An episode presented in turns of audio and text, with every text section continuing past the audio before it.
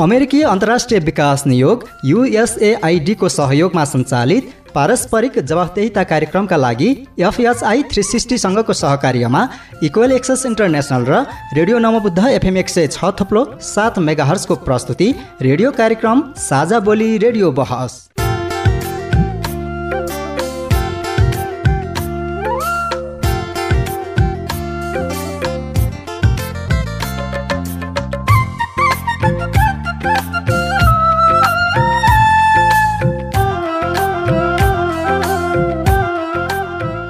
नमस्कार साझा बोली रेडियो बहसमा तपाईँलाई स्वागत छ। म काजोल तामाङ। साझा बोली रेडियो बहसमा हामी नागरिक समाज आम सञ्चार माध्यम र सार्वजनिक निकाय बीचको पारस्परिक जवाफदेहिता र आपसी दिगो सम्बन्धका विषयमा बहस गर्छौं।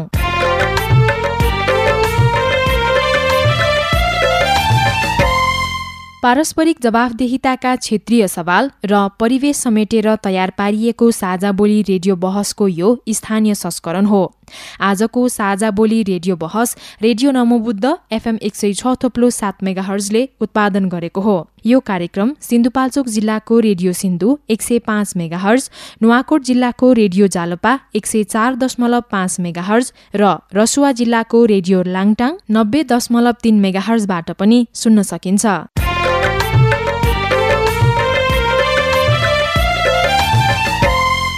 जवाफदेहिताको राष्ट्रिय सवालमा नीति र कार्यान्वयनको समन्वय गर्ने साझा बोली रेडियो बहसको केन्द्रीय संस्करण इक्वेल एक्सेस इन्टरनेसनलले काठमाडौँमा उत्पादन गर्छ।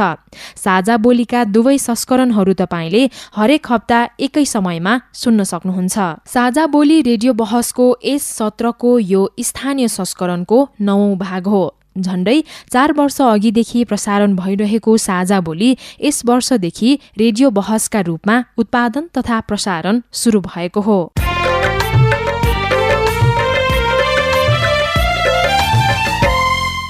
साझा बोली रेडियो बहसको आजको भागमा हामी शिक्षालाई सर्वसुलभ र गुणस्तरीय बनाउन सरकारवालाहरूको भूमिका के हुन सक्छ भन्ने विषयमा बहस गर्दैछौं। संविधानले आधारभूत तहसम्मको शिक्षा निशुल्क र अनिवार्य हुने तथा माध्यमिक तहसम्मको शिक्षा निशुल्क हुने व्यवस्था गरेको छ तर यो कार्यान्वयन भएको छैन। विद्यालयहरूले विद्यार्थीसँग शुल्क असुल्ने काम चलिरहेको छ। शिक्षालाई सर्वसुलभ र गुणस्तरीय बनाउन सरकारवालाहरूको भूमिका के हुन सक्छ? भन्ने बेलामा हामी सबैले दोष देखाउने त गर्ने को त। त्यस कारणले हामीले दोष मात्रै नदिउँ। हामी सबैले आफ्नो आफ्नो ठाउँबाट गर्नुपर्ने दायित्व पुरा गरौँ। यस्तै सरकारले थालेको वैकल्पिक शिक्षण सिकाइ प्रणालीमा आएको समस्या। ठुलो समस्या चाहिँ के छ भन्दा प्राविधिक ज्ञान र सिप छ शिक्षकमा। त्यसको चाहिँ यो अब अभाव छ। त्यो ज्ञान र सिप नभइकन चाहिँ कक्षा प्रभावकारिता हुँदैन। साथै निजी र सामुदायिक विद्यालयको शिक्षा प्रणाली बारे पनि चर्चा गर्नेछौ। वास्तवमा भन्नुपर्दा शिक्षा दुई थरी हुँदैन। फरक ढङ्गबाट मान्छेले बुझिया छन्। यहाँ चाहिँ मैले पैसा तिरेको छु त्यहाँ चाहिँ मैले पैसा तिरेको छुइनँ। भन्ने खालको बुझाइ नै गलत छ क्या। पैसा दुवै ठाउँमा तिरिया छ। मात्र फरक के हो भनेदेखि निजी विद्यालयहरूले चाहिँ के गर्छन् भने उनीहरूको व्यवस्थापनमा स्वायत्तता छ क्या। साझा बोली रेडियो बहस। अमेरिकी अन्तर्राष्ट्रिय विकास नियोग युएसएआईडी मार्फत अमेरिकी जनताहरूको सहयोगका कारण सम्भव भएको हो। यस कार्यक्रमभित्रका विषयवस्तु र सामग्री पारस्परिक जवाबदेहिता कार्यक्रमका एकल जिम्मेवारी हुन्। र यहाँ प्रस्तुत भनाइले युएसएआईडी वा अमेरिकी सरकारको विचार प्रतिबिम्बित गर्छन् भन्ने जरुरी छैन। साझा बोली रेडियो बहसमा तपाईँलाई फेरि स्वागत छ। यतिखेर हाम्रो स्टुडियोमा उपस्थित भइसक्नु भएको छ शिक्षा विकास तथा समन्वय इकाइ काभ्रेका प्रमुख गोकर्ण ध्वज कार्की र निजी तथा आवासीय विद्यालय अर्गनाइजेसन नेपाल प्याप्सनका केन्द्रीय सचिव भीमसेन केसी। यहाँहरू दुवैजनालाई कार्यक्रममा स्वागत छ। हस् नमस्कार। अब हामी विषय प्रवेश गर्छौं। आजको छलफलको विषय हो शिक्षालाई सर्वसुलभ र गुणस्तरीय बनाउन सरकारवालाहरूको भूमिका के हुन सक्छ? शिक्षामा सबैको पहुँच सुनिश्चित गर्न संविधानले मौलिक हक अन्तर्गत राखेको छ। सरकारले शिक्षा सरल सहज तथा सर्वसुलभ र जीवन उपयोगी बनाउन र आधारभूत तहसम्मको शिक्षालाई अनिवार्य भनिए तापनि हुन सकिरहेको छैन। संविधानले भने अनुसार शिक्षामा परिवर्तन ल्याउन सरकारवालाहरूको भूमिका के हुन सक्छ? बहसको सुरुमा हामी वैकल्पिक शिक्षण विधिबारे काभ्रेको पाँचखालका केही विद्यार्थीको आवाज सुनौ। म राजेश खरेलको नमस्कार। मलाई समस्या परेको भनेको चाहिँ जुमबाट चाहिँ म पढ्छु। त्यसमा चाहिँ प्राविधिक समस्याहरू आउँछ। जुन चाहिँ म्याथमेटिक्समा बुझ्नुपर्ने कुरा बेला चाहिँ प्राविधिक समस्या आएर चाहिँ स्क्रिन ब्ल्याक भइदिन्छ कि? त्यति बेला आवाजहरू पनि कट भएर जान्छ कि? त्यो बेला चाहिँ बुझिँदै बुझिँदैन। नमस्कार मेरो नाम सलमा लकन्द्री हो। यो अनलाइन सिस्टमले पढ्ने भने चाहिँ कुनै हालतमा नि राम्रो जस्तै लाग्दैन मलाई। अब हाम्रो यो गाउँमा त नेटको फेसिलिटी नै छैन। अब सबैसँग मोबाइल पनि हुँदैन अनि फ्यामिलीमा नि अब मोबाइल दिनुहुन्न यिनीहरू बिग्रिन्छ यताउति भन्नुहुन्छ।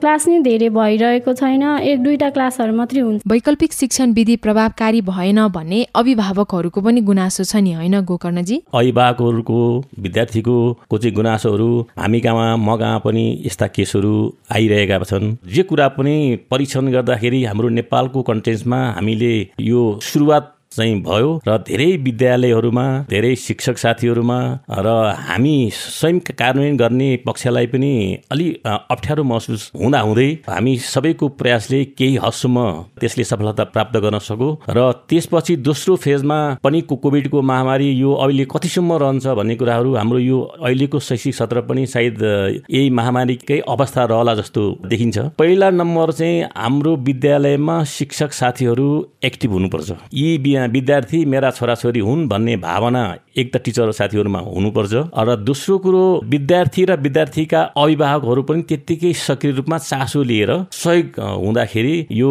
अभ्यासलाई हामीले अलिक सिकाइ सहजीकरणमा हामी अगाडि बढ्न सक्छौँ। हाम्रो यो भौगोलिक अवस्थाले गर्दाखेरि सबै ठाउँमा online offline TV radio phone कतिपय अभिभावकसँग फोन नभएको पनि अवस्था छ। तिनको क्याटेगोरिज गरेर कुन अवस्थाको अभिभावक छ विद्यार्थी छ उसलाई सोही अनुसारको डकुमेन्टमा सहजीकरण गर्न चाहिँ हामी सबैको दायित्व छ भन्ने मलाई लाग्छ। भीमसेनजी अहिले यो वैकल्पिक शिक्षण सिकाइ छ। यसमा चाहिँ यहाँहरूले विद्यार्थीको पठन पाठनलाई निरन्तरता कसरी गरिरहनु भएको छ? कोभिड सुरु भएको दुई महिना पछाडि नै यो खालको प्र्याक्टिस यो अनलाइन क्लासको प्र्याक्टिसहरू गरेको देखियो। त्यसबाहेक नेपाल सरकारले चाहिँ रेडियो मार्फत कार्यक्रमहरू बनाएर रेडियो मार्फत चाहिँ विद्यार्थीहरूलाई चाहिँ केही समय इन्गेज गराउने खालको प्रोग्रामहरू डेभलप गर्नको लागि चाहिँ इन्करेज गर्यो रेडियोहरूलाई। त्यसपछि नेपाल टेलिभिजन लगायतका प्राइभेट टेलिभिजनहरूमा पनि एउटा सर्टेन समय लिएर चाहिँ टेलिभिजन मार्फत टेलिभिजन कक्षाहरू पनि सञ्चालन गर्ने कार्यक्रमहरू लिएर आयो होइन? त्यो पहिलो कोभिडको पहिलो चाहिँ लहरको कोभिडको विषयमा चाहिँ यो अनलाइन क्लासहरू चाहिँ अलिक त्यसपछि बिस्तारै अनि अनलाइन क्लासहरू सहरी क्षेत्रमा चाहिँ अहिले सुरु गर्न थालियो जहाँ वाइफाई अथवा यो अहिलेको इन्टरनेटको पहुँच पुगेको छ र जहाँका अभिभावक र विद्यार्थीहरूमा यो अनलाइन क्लास लिनको लागि आवश्यक पर्ने डिभाइसहरू छन् नि त्यो खालको चाहिँ सक्षमता छ त्यो ठाउँमा चाहिँ अब यो बिस्तारै सुरु हुन थाल्यो। अनि त्यो सुरु हुन थालिसके पछाडि अनि बिस्तारै बिस्तारै यो चाहिँ अब देशव्यापी रूपमा बिस्तारै यो क्रम छ। अनलाइन कक्षा रेडियो कक्षा टेलिभिजन कक्षा। र कतिपय ठाउँमा चाहिँ निश्चित क्षेत्रमा चाहिँ अलिकति दुर्गम ठाउँ अथवा अलिकति ग्रामीण क्षेत्रमा चाहिँ विद्यालयले चाहिँ टिचरहरूको टिम बनाएर सामाजिक दूरी कायम गरेर त्यही प्रत्यक्ष रूपमा गएर पनि विद्यार्थीहरूलाई चाहिँ होमवर्कहरू दिने केही क्लास वर्कहरू दिने र उनीहरूको चाहिँ सिकाइ प्रक्रियालाई चाहिँ अलिकति निरन्तरता दिने खालको प्रोग्रामहरू लिएर आयो। यही पहिलो अब दोस्रोमा आइ आउँदाखेरि चाहिँ अहिले दोस्रो लहरबाट जुन हामी अहिले प्रभावित छौँ अनलाइन कक्षा चाहिँ अहिले अत्यन्त फरक ढङ्गबाट र यसको द्रुततर गतिबाट चाहिँ डेभलप भइरहेको अवस्था छ। अब हिजो अनलाइन कक्षा चाहिँ एउटा वैकल्पिक रूपबाट चाहिँ सञ्चालन हुने अवस्था थियो। केही दुई महिनाको लागि तिन महिनाको लागि अथवा छ महिनासम्मको लागि यो गरौँ भन्ने अवस्थामा हिजो पहिलो लहरबाट पीडित हुँदाखेरिको अवस्था चाहिँ त्यस्तो थियो भने अब अहिले चाहिँ अनलाइन कक्षा चाहिँ अब सबै विद्यालयहरू अथवा विद्यार्थीहरू अभिभावकहरूको लागि हिजो जसरी फिजिकल कक्षा अथवा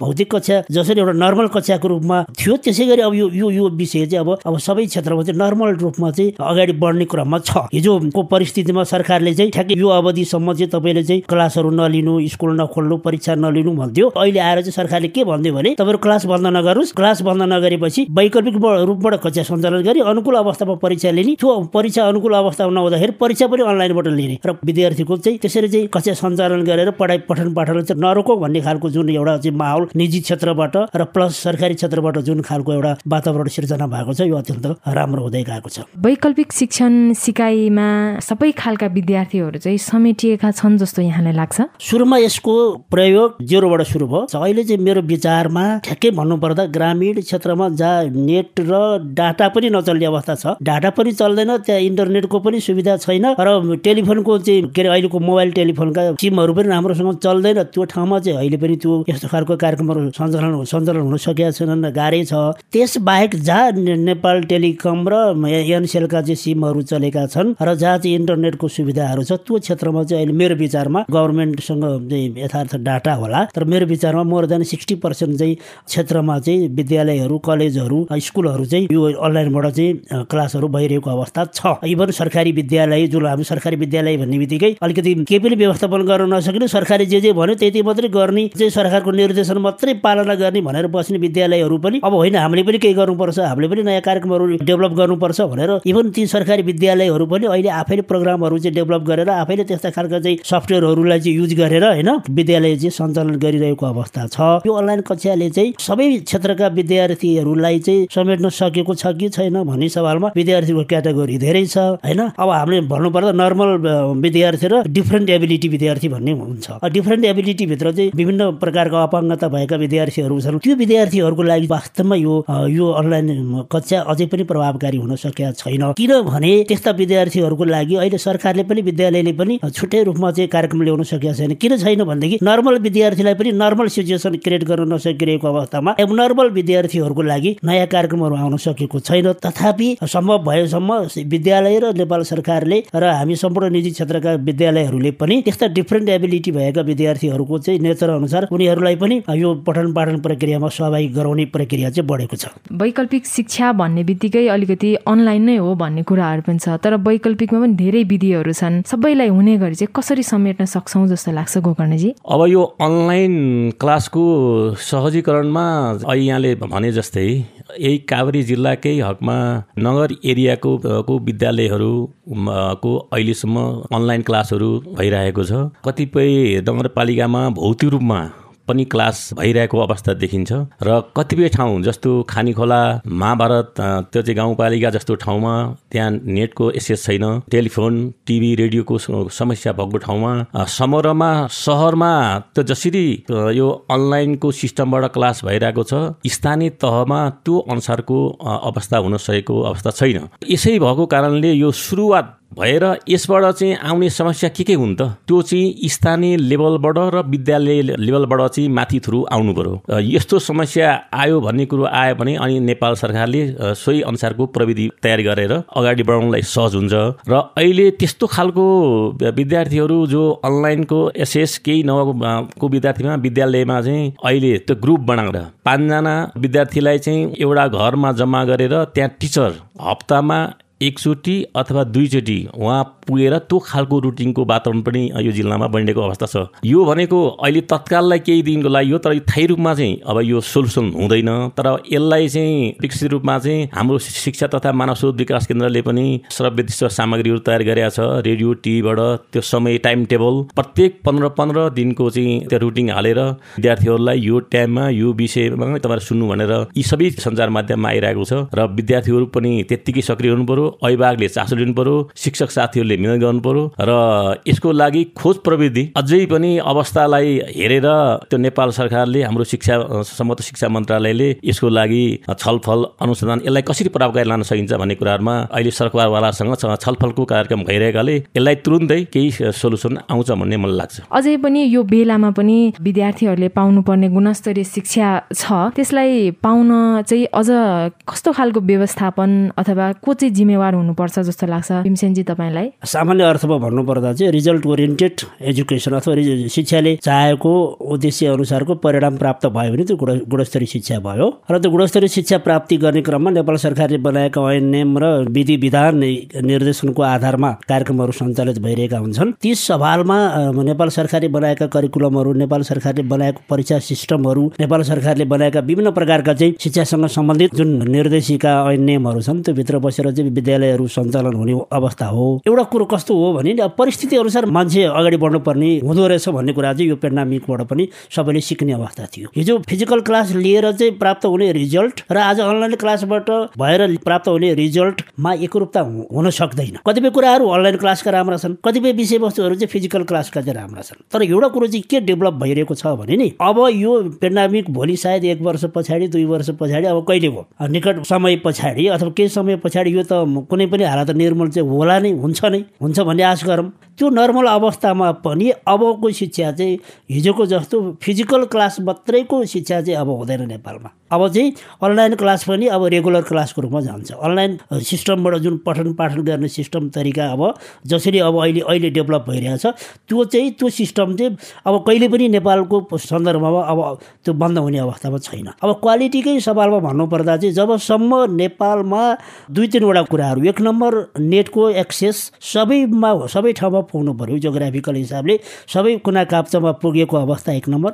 दुई नम्बरमा त्यसलाई चाहिँ युज गर्ने डिभाइसेसहरू हुन्छ। त्यो चाहिँ सबै नेपालीहरू सबै विद्यार्थीहरूले चाहिँ त्यसलाई चाहिँ किनेर त्यसलाई चाहिँ प्रयोग गर्ने अवस्था हुँदाखेरि तिन नम्बरमा चाहिँ अभिभावकहरूले पनि अनलाइन कक्षा पनि फिजिकल कक्षा जस्तै चाहिँ हो। यो अनलाइन कक्षा पढेर मेरा छोराछोरीको चाहिँ पढाइ पनि ठिक छ भनेर चाहिँ बुझ्नु पर्यो। र अर्को कुरो के हुनु पर्यो भने नेपाल सरकारकोले चाहिँ यो वैकल्पिक विधि अनुसारको जुन अहिलेका विभिन्न सिस्टमहरू डेभलप भएका छन् त्यसलाई चाहिँ स्वीकार्नु पर्यो एक्सेप्ट गर्नु पर्यो नर्मल अवस्थामा पनि। र अर्को लास्टमा के हो भनेदेखि जुन अनलाइन कक्षा सञ्चालनको लागि डेभलप भएका कतिपय सफ्टवेयरहरू छन् नि त्यो सफ्टवेयर कम्पनीहरूले ती सफ्टवेयर चाहिँ इन्जिनियरहरूले पनि अझ सजिलो तरिकाबाट अझ सहज तरिकाबाट हुन्छ। हिजो सुरुको भन्दा आजका दिनसम्म आउँदाखेरि सजिलो सजिलो खालका एप्लिकेसनहरू त्यस्ता खालको चाहिँ प्रोग्रामहरू डेभलप भइरहेका छन्। कतिपय विद्यालयहरूले यसलाई युज गरिरहेको छ आउँछ। तर यो क्षेत्रमा पनि त्यसरी आउनु पर्यो। यसरी सबै कुरोको कम्बिनेसन भयो भने वास्तवमा अनलाइन कक्षाबाट पनि अथवा वैकल्पिक विधिहरूबाट कक्षा सञ्चालन गर्दाखेरि पनि गुणस्तरीयतामा ह्रास आउँदैन।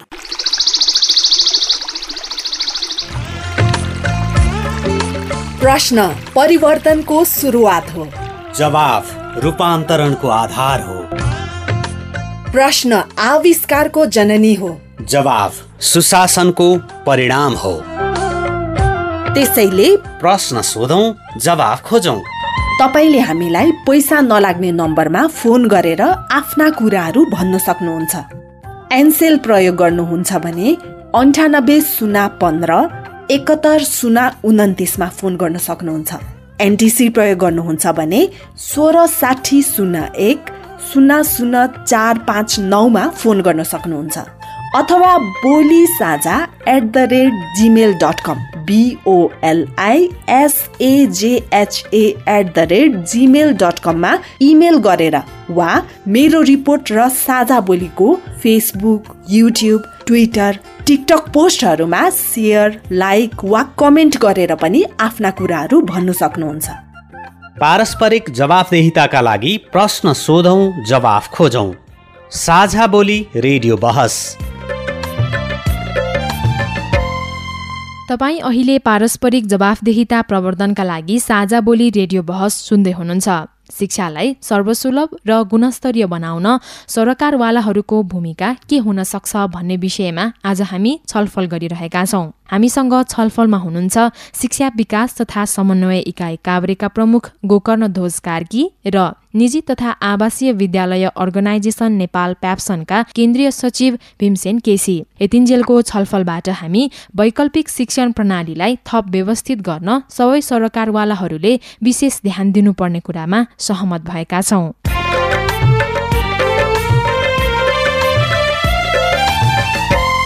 साझा बोली रेडियो बहसमा तपाईँ अहिले शिक्षालाई सर्वसुलभ र गुणस्तरीय बनाउन सरकारवालाहरूको भूमिका के हुन सक्छ भन्ने विषयमा सवाल जवाफ सुन्दै हुनुहुन्छ। छलफलमा हुनुहुन्छ शिक्षा विकास तथा समन्वय इकाइ काभ्रेका प्रमुख गोकर्ण ध्वज कार्की र निजी तथा आवासीय विद्यालय अर्गनाइजेसन नेपाल प्याप्सनका केन्द्रीय सचिव भीमसेन केसी। अब भने हामी कार्यक्रममा अर्को एउटा आवाज सुनौ है त। म केशव प्रसाद काफले शिक्षक महासङ्घ नगर समिति अध्यक्ष।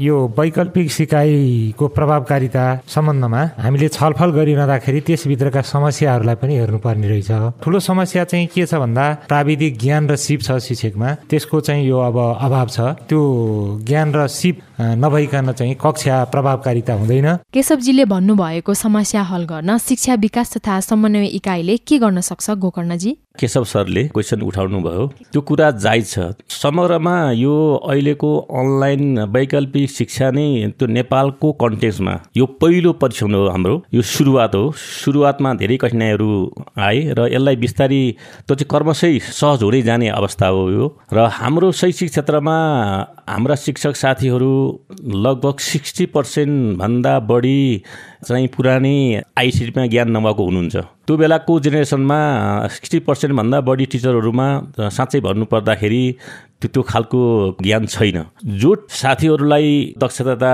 छैन। त्यस्तो साथीहरूलाई ती जानेका साथीहरूले पनि केही हदसम्म सिकाउनु पर्ने अवस्था आउँछ।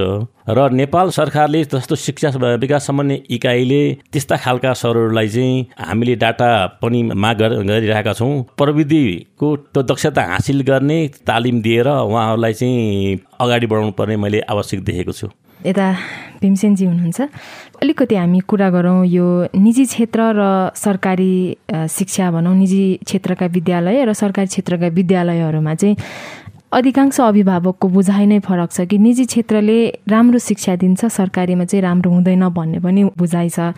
निजी क्षेत्रको शिक्षा चाहिँ गुणस्तरीय हुन्छ भन्ने विश्वास चाहिँ कसरी दिलाउनु भएको छ? वास्तवमा भन्नुपर्दा शिक्षा दुई थरी हुँदैन। मान्छेको बुझाइ अहिले जसरी फरक ढङ्गबाट मान्छेले बुझाइ बुझिया छन् र मिडिया लगायतका कतिपय चाहिँ संस्था कतिपय व्यक्तिहरूले चाहिँ दुई थरीको शिक्षा भनेर जसरी चाहिँ फैलाइएको एउटा विषयवस्तु छ त्यो होइन। शिक्षा एउटै हो। नेपाल सरकारको चाहिँ नीति ऐन नीति नियमले शिक्षालाई जहिले पनि एउटै हिसाबले हेर्छ।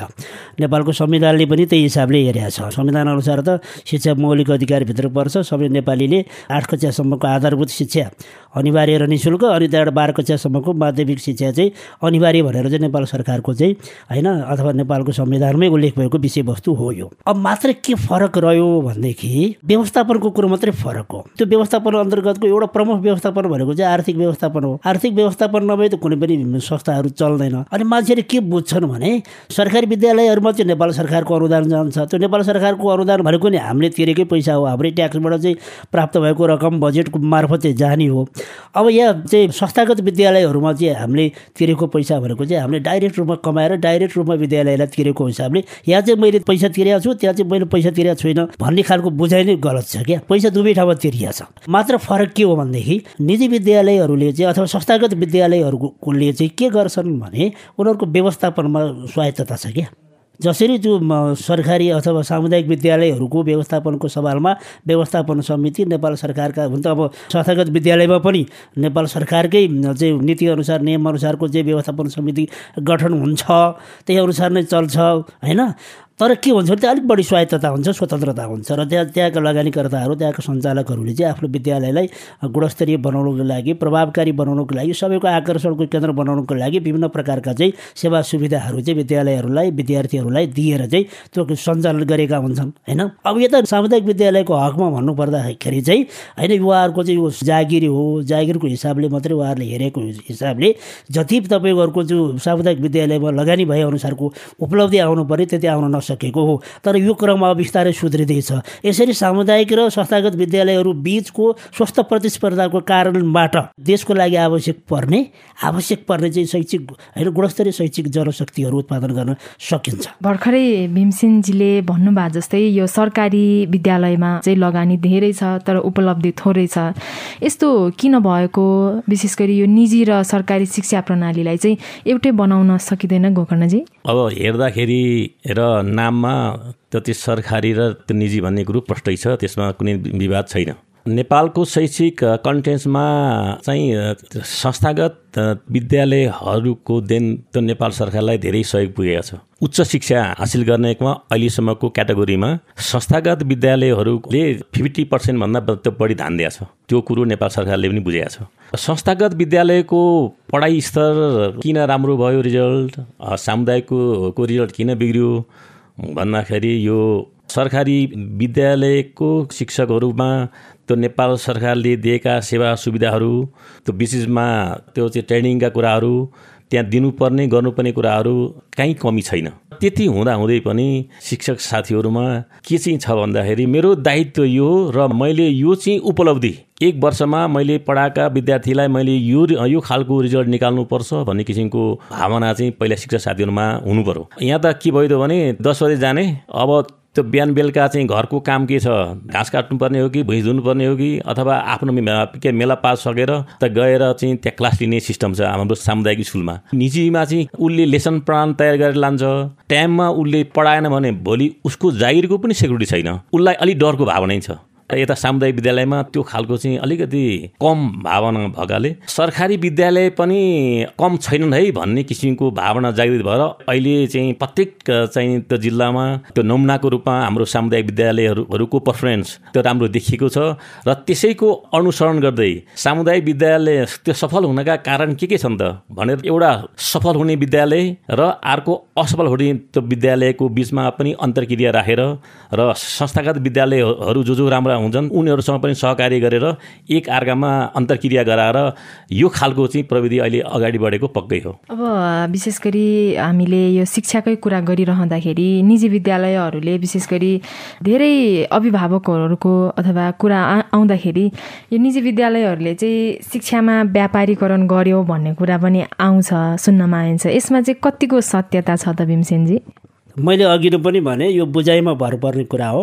अब शिक्षा एउटा सेवासँग सम्बन्धित पेसा हो। संस्था सञ्चालन गर्नको लागि अथवा विद्यालय सञ्चालन गर्नको लागि आर्थिक व्यवस्थापन हुनैपर्छ आर्थिक व्यवस्थापन गर्ने क्रममा सामुदायिक विद्यालयको जस्तो नेपाल सरकारबाट अनुदान प्राप्त नहुने भएपछि अभिभावकबाट लिनैपर्छ त्यो स्वाभाविकै हो। अब अभिभावकबाट लिँदाखेरि सेवा दिएर सेवाको मूल्य लिने हो। जति चाहिँ तपाईँको चाहिँ मान्छेहरूको बुझाइ छ नि व्यापारीकरण भन्ने बित्तिकै यसमा नाफा नोक्सानको कुराहरू आउँछ। नाफा नोक्सान भन्दा पनि विद्यालय र संस्था टिक्नुपर्छ र यसलाई निरन्तरता दिनुपर्छ भन्ने हिसाबबाट यसको कस्टिङ हुन्छ होइन? त्यो कस्टिङ भइरहँदाखेरि धेरै महँगो अब फेरि मार्केटमा तपाईँ कस्तो हुन्छ भने मार्केट कम्पिटिसनमा महँगो भएर पनि चल्दैन सस्तो भएर पनि चल्दैन। मार्केट कम्पिटिसनमा चाहिँ त्यो डिमान्ड एन्ड सप्लाईका चाहिँ प्रिन्सिपल अनुसार चाहिँ त्यसको मूल्य निर्धारण नेपाल सरकारले पनि यसको चाहिँ शुल्क निर्धारणको सवालमा बनाएको निर्देशिका र मापदण्डको आधारमा रहेर विद्यालयले दिएका सेवा सुविधालाई राखेर यसको चाहिँ कस्टिङ भएको हुन्छ। त्यो कस्टिङको आधार विद्यालय चलेको हुन्छ। अब जहाँसम्म लाग्छ मान्छेहरूको बुझाइ चाहिँ मलाई के लाग्छ भने हजुरले नि भर्खर सोध्नुभयो कि नाफामुखी छन् अथवा व्यापारमुखी भए भनेर जसरी बुझाइ छ नि त्यो हुँदै होइन। किन यो बाध्यता हो? पैसा लिनु संस्थागत विद्यालयको बाध्यता हो। पैसा नलिई चल्दैन। अनि पैसा लिने क्रममा अब छैन नि त सबै विद्यालयमा संस्थागत विद्यालयमा एउटै प्रकारको शुल्क छैन नि त। किन फरक भयो त भन्दा जसले धेरै शुल्कले त्यो विद्यालयले त्यही खालको सुविधा र सेवा सुविधा दिएछ जसले थोरै दिए त्यही अनुसारको सेवा सुविधा दिएछ भनेपछि संस्था टिक्नको लागि सेवा प्रवाह गर्नको लागि मात्रै तपाईँको चाहिँ शुल्क ल्याओ न कि धेरै नाफा कमाउने। नाफा कमाउने भनेको नाफा कमाएर चाहिँ जति पैसा बचत हुन्छ त्यो बचत भएको पैसाले चाहिँ त्यही विद्यालयको भौतिक पूर्वाधार शैक्षिक चाहिँ उन्नति प्रगतिमा लगानी गर्ने त भने होइन? र एउटा त्यहाँ लगानी गरेका लगानीकर्तालाई भन्दा पनि त्यो विद्यालयलाई चाहिँ सस्टेन बनाउनुको लागि त्यसको स्थायित्वको लागि लगानी गरिया हुन्छ।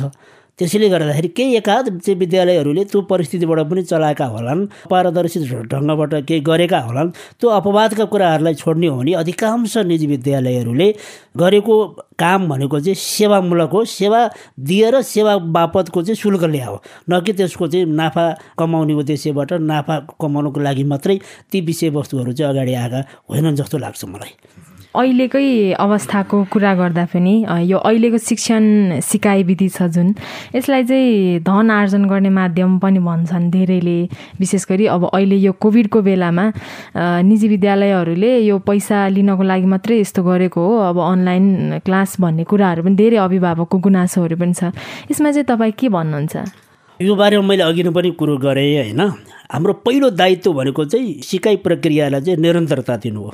कोभिड अब दुई वर्ष होला अरे चार वर्ष होला अरे पाँच वर्ष होला अरे त्यो बेलासम्म के अब विद्यालयले सञ्चालन नगर्ने त।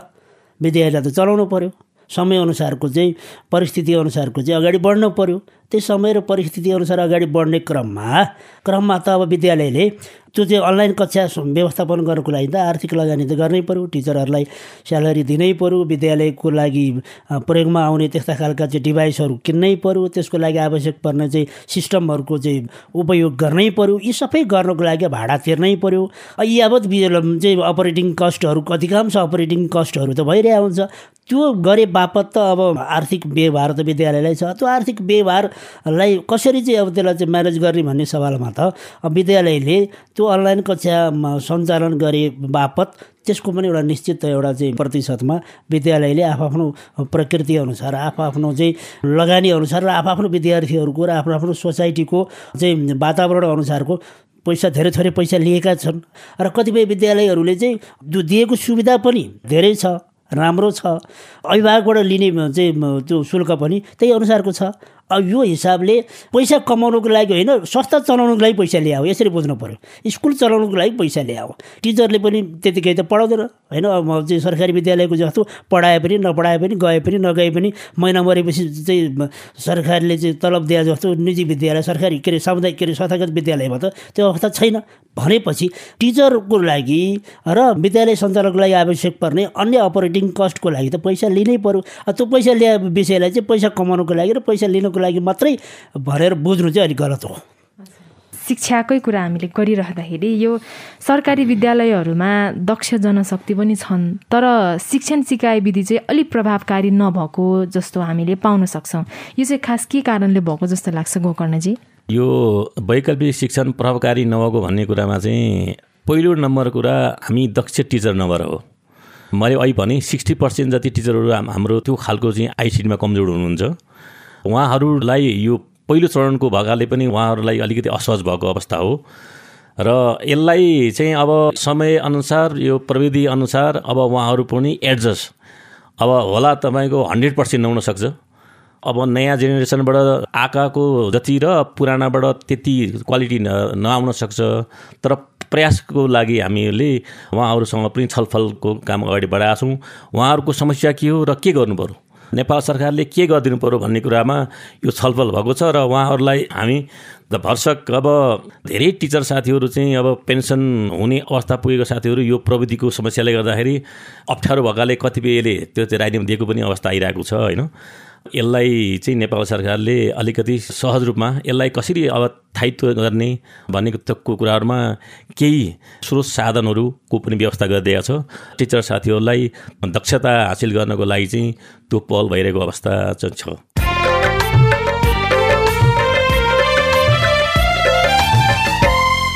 रेडियो कार्यक्रम साझा बोली रेडियो बहसमा तपाईँ अहिले शिक्षालाई सर्वसुलभ र गुणस्तरीय बनाउन सरकारवालाहरूको भूमिका के हुन सक्छ भन्ने विषयमा सवाल जवाफ सुन्दै हुनुहुन्छ। छलफलमा हुनुहुन्छ शिक्षा विकास तथा समन्वय इकाइ काभ्रेका प्रमुख गोकर्ण ध्वज कार्की र निजी तथा आवासीय विद्यालय अर्गनाइजेसन नेपाल प्याप्सनका केन्द्रीय सचिव भीमसेन केसी। यतिन्जेलको छलफलमा शिक्षालाई सर्वसुलभ र गुणस्तरीय बनाउन प्रदेश संघ र स्थानीय सरकार मिलेर लाग्नुपर्नेमा सहमत भएका छौं।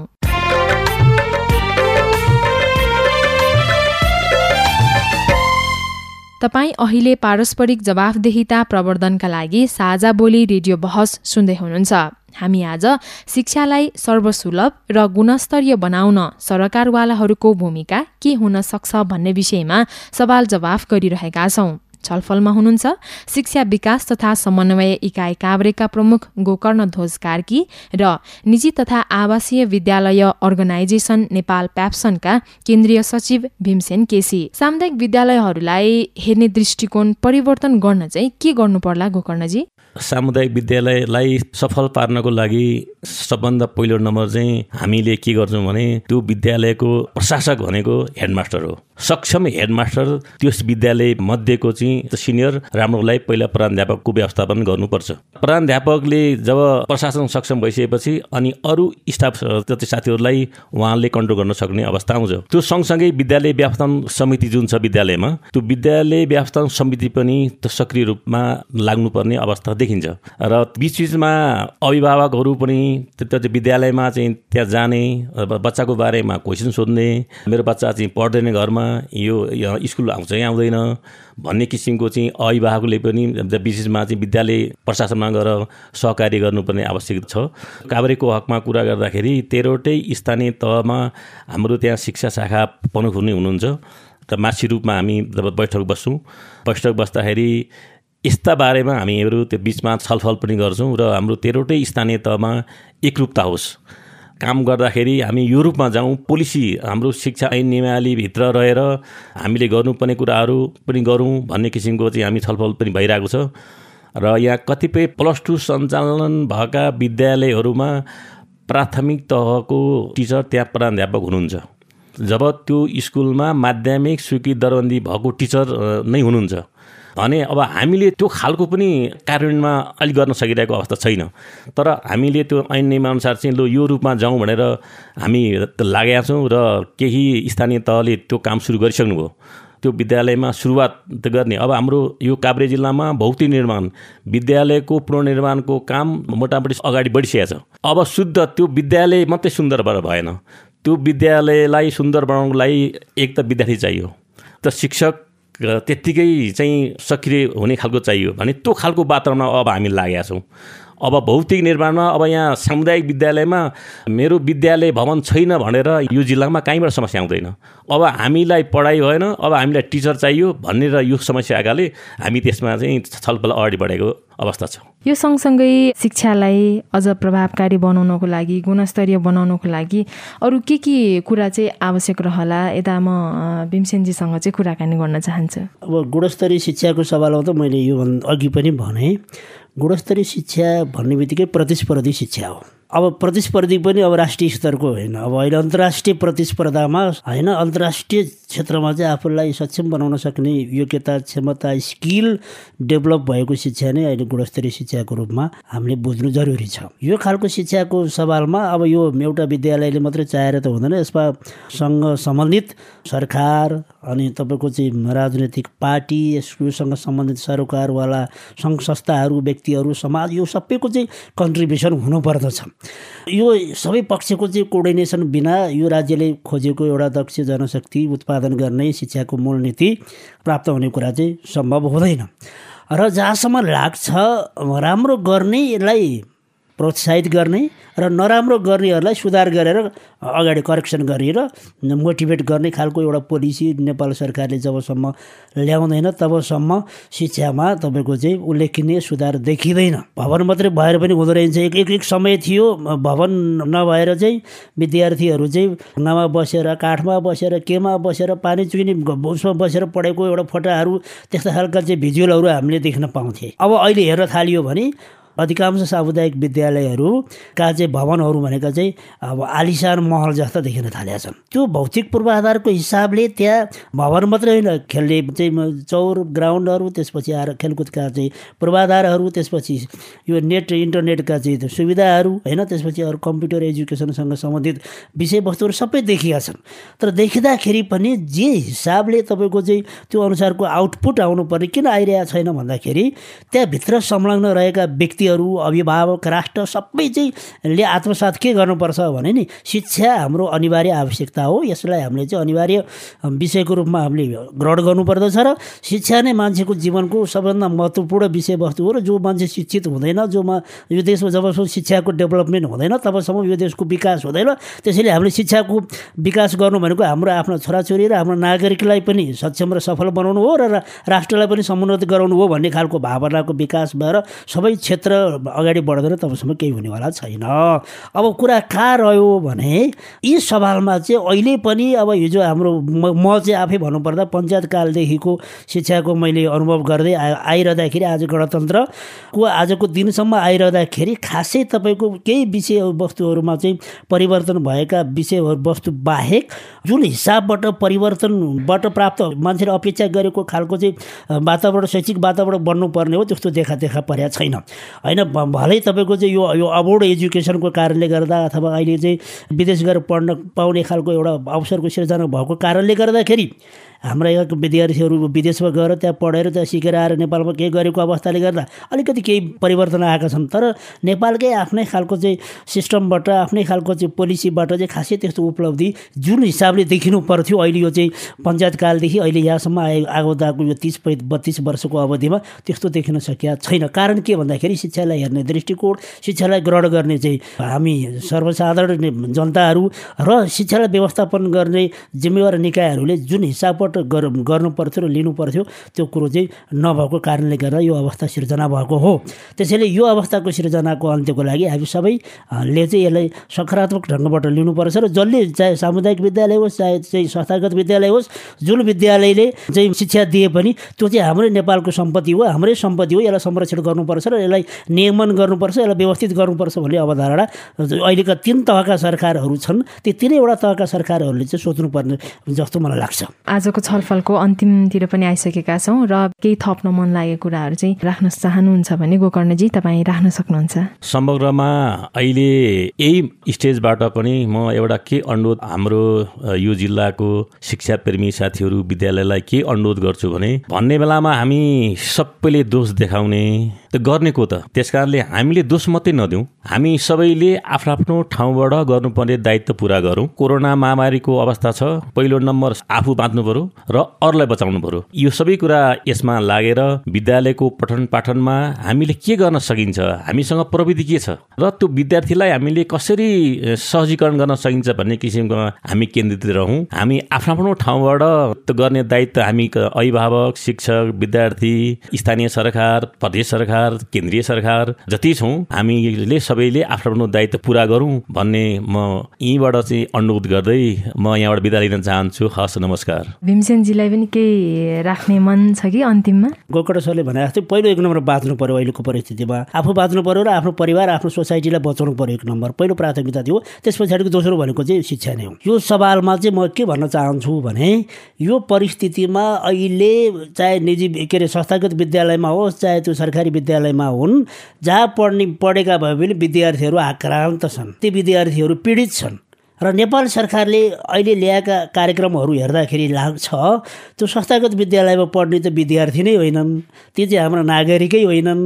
भन्ने खालको जस्तो देखिन्छ। किनभने एउटा सिम वितरण गर्ने क्रममा खोप लाउने क्रममा पनि त्यहाँ चाहिँ बायस देखिया छ होइन? संस्थागत विद्यालयमा पढ्ने विद्यार्थीले खोप लाउन नपाउने अनि संस्थागत विद्यालयमा पढ्ने विद्यार्थीहरूले स सुविधाका सिमहरू लिन नपाउने होइन? संस्थागत विद्यालयमा पढ्ने विद्यार्थीहरूले चाहिँ अन्य यो कोभिडसँग सम्बन्धित प्रोग्राममा भाग लिन नपाउने भनेर जुन राज्यले यस्तो खालको विभेदकारी चाहिँ पोलिसी बनाउँछ नि वास्तवमा यो खालको सोचाइ यो खालको कार्यक्रमले यो देशलाई काहीँ पनि पुऱ्याउँदैन यसको चाहिँ सकारात्मक होइन नेगेटिभ यसको चाहिँ प्रभाव पर्छ। यो खालको चाहिँ सोच चाहिँ नेपाल सरकार अब सङ्घीय सरकार अथवा प्रदेश सरकार र यो स्थानीय सरकार यो तिनैवटा सरकारले शिक्षासँग सम्बन्धित कोभिड व्यवस्थापनको लागि कोभिडबाट प्रभावित भएका विद्यार्थीहरूको व्यवस्थापनको लागि ल्याइने कार्यक्रमहरूमा संस्थागत र सामुदायिक विद्यालयका विद्यार्थी र शिक्षक शिक्षिका नभनिकन सबै प्रकारको दिन मिल्ने है फेरि। तलब आर्थिक अनुदान दिए भनेको छैन। होइन? आर्थिक अनुदान अनुदान दिए भनेको छैन। तर विद्यार्थीहरूको लागि अभिभावकको लागि टिचरको लागि जति पनि प्रोग्रामहरू अगाडि आउँछन् त्यसमा चाहिँ एकरूपता होस् समानता होस् भन्ने हाम्रो माग हो। त्यो खालको परिस्थिति चाहिँ नेपाल सरकारले सोचोस् र कुनै पनि विद्यार्थीले चाहिँ कुनै एउटा विद्यालयमा पढेको आधारमा चाहिँ आफूले राज्यले दिएका सुविधाबाट वञ्चित हुने वातावरण सिर्जना नहोस् भन्ने म अनुरोध गर्दै भनाइ टुङ्ग्याउँछु धन्यवाद।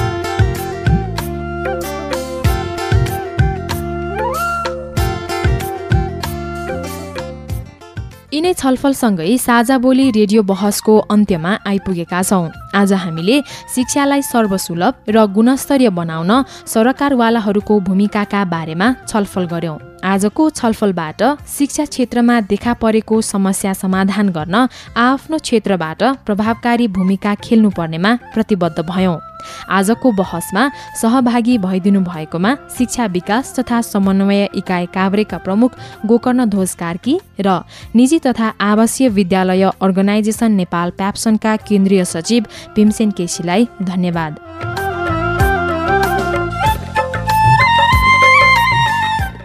साझा बोली रेडियो बहसबारे मनका कुरा भन्नको लागि एनटिसीको मोबाइल वा ल्यान्डलाइन फोन प्रयोग गर्नुहुन्छ भने सोह्र साठी शून्य एक शून्य शून्य चार पाँच नौमा फोन गर्न सक्नुहुन्छ। एनसेल प्रयोग गर्नुहुन्छ भने अन्ठानब्बे शून्य पन्ध्र एकहत्तर शून्य उनातिसमा फोन गर्नुहोला। यी नम्बरहरूमा फोन गरेको पैसा लाग्दैन र प्राप्त निर्देशन अनुसार प्रश्न सोध्न सकिन्छ। पारस्परिक जवाफदेहिता बारे आफूले देखे सुने या भोगेका कुनै कुरा लेख मार्फत व्यक्त गर्न चाहनुहुन्छ वा अरूका लेखहरू पढ्न चाहनुहुन्छ भने W W W dot MEROREPORT dot नेटमा पनि लगइन गर्न सक्नुहुन्छ। साझा बोली रेडियो बहस तपाईँले मेरो रिपोर्ट वेबसाइट पोडकास्ट च्यानल र सामाजिक सञ्जालहरूमा पनि सुन्न सक्नुहुन्छ। हवस् त आजको साझा बोली रेडियो बहसबाट अब बिदा हुने बेला भयो। यतिन्जेल ध्यान दिएर कार्यक्रम सुन्नु भएकोमा तपाईँलाई धन्यवाद। आगामी हप्ता पनि आजको जस्तै समयमा सार्वजनिक जवाफदेहिताको अर्को विषयमा छलफल लिएर आउनेछौ। सुन्न नबिर्सिनुहोला। आजको कार्यक्रमबाट म काजल तामाङ बिदा भए। नमस्कार।